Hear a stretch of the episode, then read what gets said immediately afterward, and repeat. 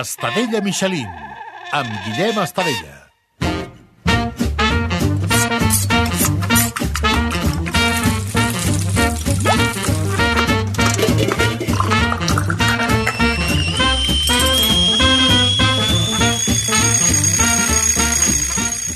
Esteu? I benvinguts a Estadella Michelin, un podcast de cuina pels qui no saben cuinar, pels que els hi fa mandra i pels que sí saben cuinar però volen riure una mica.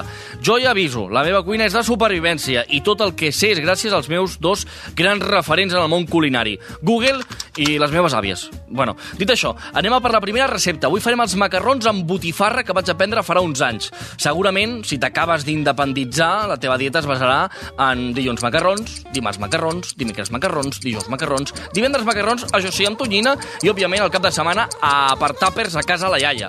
Però, bueno, abans de començar, anem a descobrir una miqueta sobre aquest plat tan típic que tothom ha menjat i que segurament tots i totes coneixeu.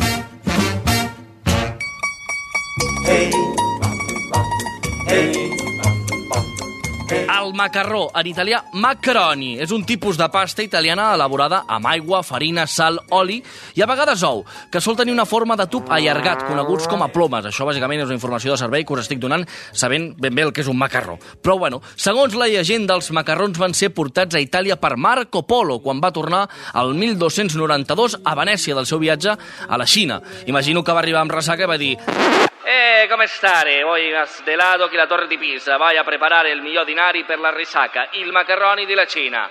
Aquesta hipòtesi, tal qual, o sigui, són, són declaracions de Marco Polo, eh, ha estat refutada, ja que sembla que els macarrons ja s'utilitzaven a Itàlia almenys un segle abans, com eh, les pastes en general. El geògraf marroquí Muhammad al-Idrisi, que va viure a Sicília en el segle XII, ha documentat els macarrons a Sicília i en particular a Tràvia, Vamos, que els macarrons tenen més vida que el teu amic que està jugant tot el dia al Minecraft a casa. Baila, baila, señorita.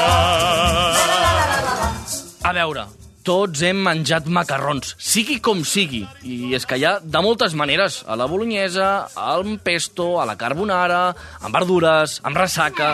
Però tots, absolutament tots, hem menjat els macarrons de la mare, del pare, de l'àvia. Uns macarrons que per a tothom sempre són els millors. No sé com ens ho fem, eh? Que sempre els millors macarrons són el de la iaia, el de la mama. I com és això? Quin és el secret?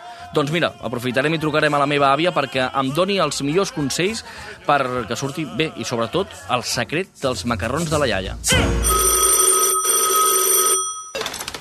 Yaya, ¿qué tal? ¿Cómo va? ¿Cómo estás? Muy bien. ¿Qué tal? ¿Y Oye, tú? yo, pues muy bien, ya, ya, aquí estamos grabando eh, el, el podcast que hoy hablamos sobre macarrones. Y, y Hostia.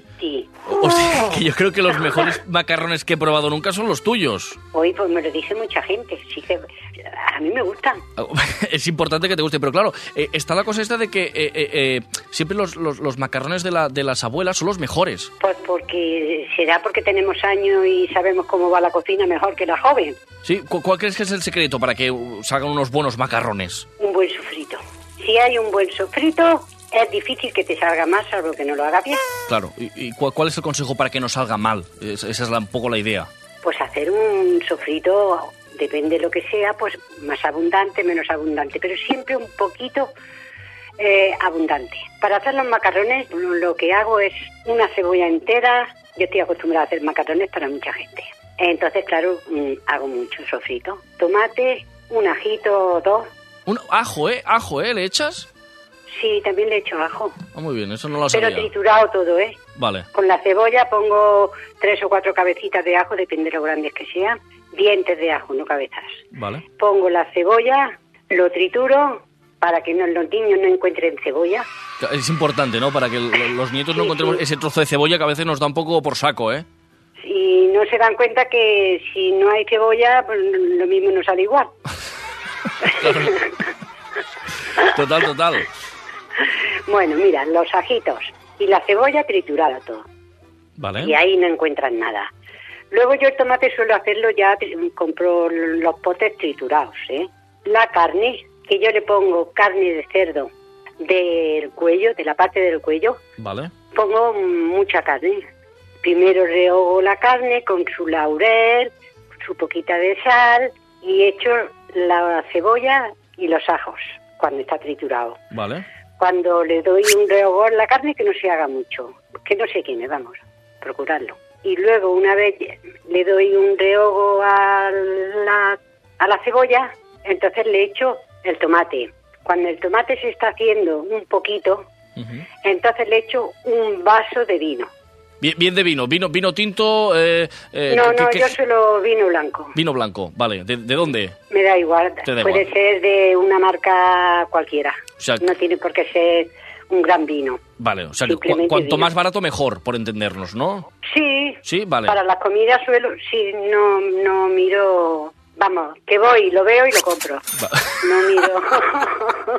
Vale, vale. El primer vino que, eh, vino que veas de menos de 5 euros es el que cojo para, para sofreír. Vale. Aunque sea de la marca del súper, da Vale, igual. vale, no digo nombres, pero bueno. Vale, vale. Y ya está. Entonces le echo también un vasito de agua, mucho más no. Pero sobre todo mucho tomate. Entonces lo que hago es que lo dejo a fuego lento, lo, lo voy moviendo mucho para que no se pegue y lo dejo un rato hasta que el tomate está frito y echo el aceitito por arriba. Que se note que está el tomate frito y que tienen abundancia. Y ese es mi secreto, no tiene ninguno más. Lo que luego hago, hago, perdona, Sí. es lo que es lo- la carne que pongo, aunque me la cortan a trocitos pequeños, yo con una la- con las tijeras aún los hago más chiquititos, Vale. pequeñitos, pequeñitos. Una vez están hechos, ¿eh? Pues tomo nota. No tiene nada. No, no, facilísimos. Tu receta habrá que ponerla en práctica. Eso sí, yo esta vez haré la que yo me sé de con butifarra y un poco de, de pastanaga, de zanahoria, etcétera, ¿eh? Pero bueno, que tomo No, nota. yo no, Tú yo no. no suelo poner, yo soy muy básica, Vale. pero está muy bueno. Vale. Mm, La zanahoria, sí, eh, tan bueno. No, no, hombre, buenísimos ya, ya, ya lo sabes. Lo que le pongo a la salsa, o Sí. se me ha olvidado, es un conjunto de hierbas Vale. que yo suelo comprar de varias y las pongo todas en Hier- hierbas legales, ¿eh? Estamos hablando de cosas legales. Sí, claro, las otras no se puede. Qué jodido eres. Y le pongo eso para que le dé un saborcito Vale. diferente. Es que luego te puedes comer incluso esa salsa si no la quieres en macarrones. Eh, En cualquier otro tipo de pasta, frito. ¿no? Ah, también. Ah, muy bien. Es buena esa, ¿eh? Eh, Esta ya es otra, otra receta para otro capítulo, ¿eh? Tomo nota. Lo importante es que tenga bastante salsita y cuando la mezcles con los espaguetis, dejarlos mm, todo el tiempo que se pueda para que el espagueti o el, o el macarrón coja el gusto a la salsa y al tomate. Que eso es una base buena. Mm, Yo diría que es lo más importante. O sea que estaríamos hablando que mejor comerse los macarrones al día siguiente, ¿eh? Al día- bueno, normalmente las comidas, potajes y cosas así, al día siguiente están más buenas que el día que lo haces. Fantástico. Ey, pues súper consejo, abuela. Ah, muchísimas gracias, Yaya. Oye, eh, ya te traeré un tupper con mis macarrones, ¿vale? Vale, con la zanahoria. Exacto, ya verás. eh, Riquísimo. Vas a flipar. vale, vale. ¿Vale? Haremos competición. Perfecto, abuela. Venga, un besito. vale. Un besito, adeu. Adeu, adeu. Adiós, adiós. Fatti mandare dalla mamma a prendere latte. Devo dirti qualche cosa che riguarda noi due. A veure, els macarrons que jo faig són amb carn de botifarra, amb pastanaga i ceba, i crec que el gran secret és el sofregit. Quan més temps estigui fent allò, el xup-xup, més sabor tindrà. Llavors jo li sumaria un ingredient més, el temps. I també bona música. Soc dels que li agrada cuinar amb un altaveu al costat. Que tampoc sembli que estàs a una ràbia llinars del Vallès. Però bueno, de fons com a qualsevol botiga de roba, però sense xumba-xumba. Porte cazzuna con un stemma a rete Una cuppulella che vi si era aizzata Passa scampanianna pattuleta Con mano a papà te fa guardare Doncs mira, parlàvem amb la meva àvia dels seus macarrons, jo dels meus, i crec que necessitem una veu autoritzada que ens digui com s'han de fer uns bons macarrons. Per això volem parlar amb Raül Balam Ruscalleda, xef del restaurant Moments de l'Hotel Mandarina a Barcelona. Què tal, com estàs? pues mira, content, content de que hagi- m'hagin escollit a mi Home, eh, per parlar dels macarrons. podríem dir que ets el padrí del, del, del podcast, eh? Vull dir, ets, ets el primer xef, Ah. vull dir que primera veu autoritzada que passa per, per aquí. Meravella, meravella. M'encanta ser el primer de moltes vegades. Això, això, això és meravellós. Doncs, escolta'm, avui parlem dels macarrons. Quins són els millors Ah. macarrons que, que tu has menjat mai? Home, jo els millors macarrons que he menjat mai et diré que són els de la mama, no? T'hauré de dir jo.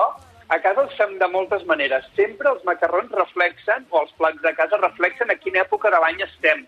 Ara a casa els menjaríem, doncs, amb, amb botifarra i amb calamar. O sigui, ara és el moment del calamar, que ja s'està acabant, doncs menjaríem aquest, aquest mar i muntanya. O sigui, aneu variant, eh? Depenent de l'època de l'any, eh, els macarrons els Sí. feu d'una manera diferent. De la manera diferent i depèn, de, i depèn dels colors. Sempre, és clar, dir que una, al final les receptes doncs, han de, de mirar el que, en quin moment, en quin moment de l'any estem. Clar, això crec que és molt, que és molt interessant. No, no, sí, sí, jo sempre els faig igual, vull que... Sí, no els fas igual. Sempre el Ostres, faig igual. Però mai, però mai li fiques una verdureta... O no, sí, tu ets de sota caballo i rei, no? Sí. Tomate, carne i els macarrons. I exacte. tira cap avall.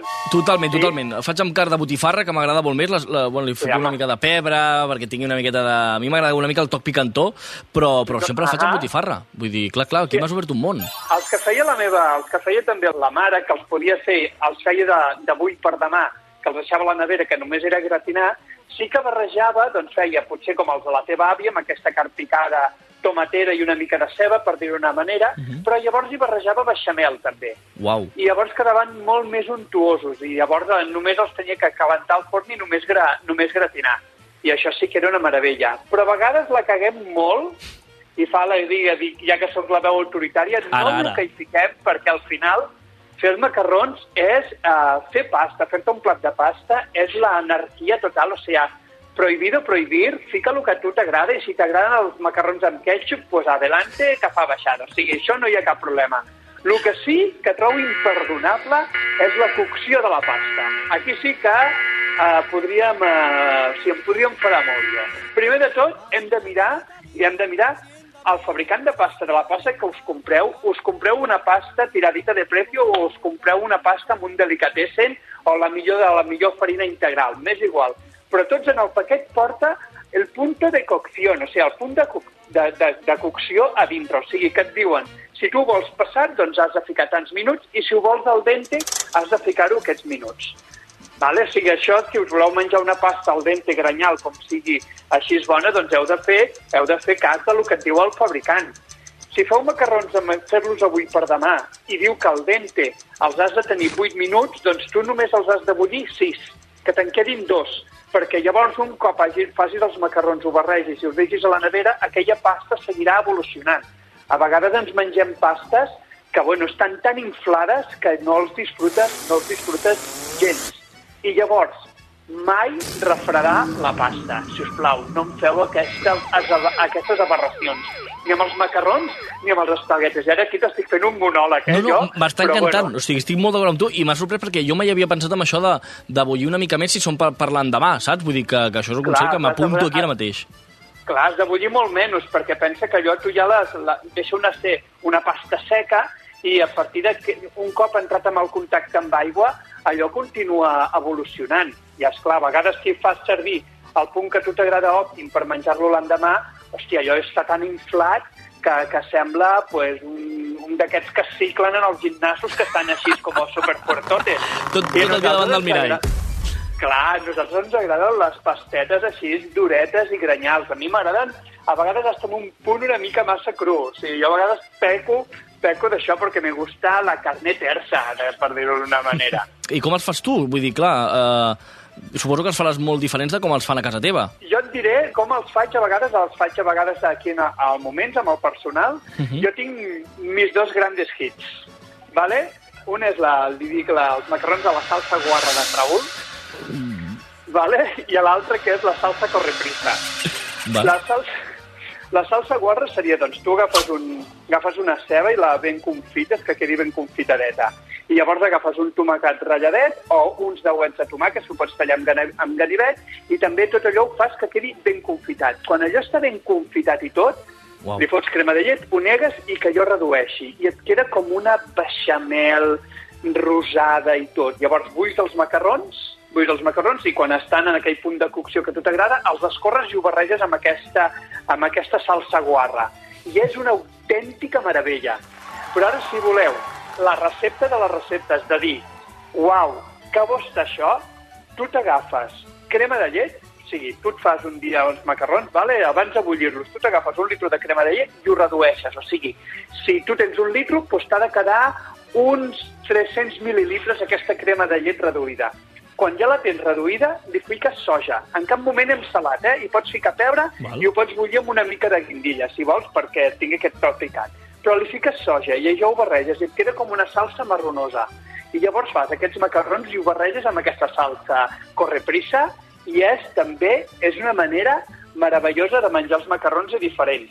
I si llavors ja tens una mica de- d'un salmó fumat d'aquest amb taco, no, no així amb llesquetes, amb taco, i li fiques aquest salmó fumat al final barrejat i tot, bueno, és que baixa Nostre Senyor, et fa un aplaudiment i et demana un parell de plats. No, no, M'encanta perquè, bàsicament, els macarrons pot semblar una recepta fàcil, no? una mica que tothom la pot arribar a fer, que tothom la fa, però clar, aquí hi ha un món, vull dir, avui ja ho hem comprovat, que tu la fas d'una manera, de dues maneres diferents, la teva família d'una altra, la meva àvia d'una altra, jo d'una altra, vull dir que és una cosa que, que els macarrons mai són universals.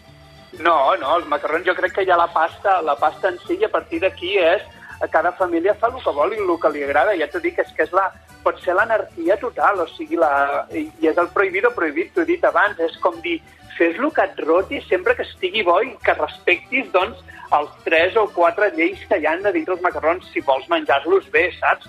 De, de, de, de bullir-los bé, el punt que toca, i a partir d'aquí és, a, és a, a jugar, com deia, com en deia A jugar. Constantino. No, qui ho deien a jugar? Bueno, lo del precio justo, vamos. Clar, jo, jo és que sóc una... Tinc 24 anys, no, va- no vaig veure això. Vull dir, em sona lo de No, jugar, clar, però... Sí, sí, sí, bueno, això en Joaquim Prat ho deia. A jugar! Bueno, doncs escolta, gràcies per, per venir a jugar avui a, a, aquí a, amb nosaltres i, escolta'm, et farem arribar un tàper de, dels meus macarrons perquè els provis A i, veure- i vegis com a veure si estan. És veritat, a Perfecte. és veritat, et faré, et faré la cata i ho publicaré a Instagram. Perfecte, Raül. Doncs moltíssimes gràcies. Uh, A vosaltres. Provarem les teves receptes. Una abraçada. Una abraçada ben forta. Adeu, adeu.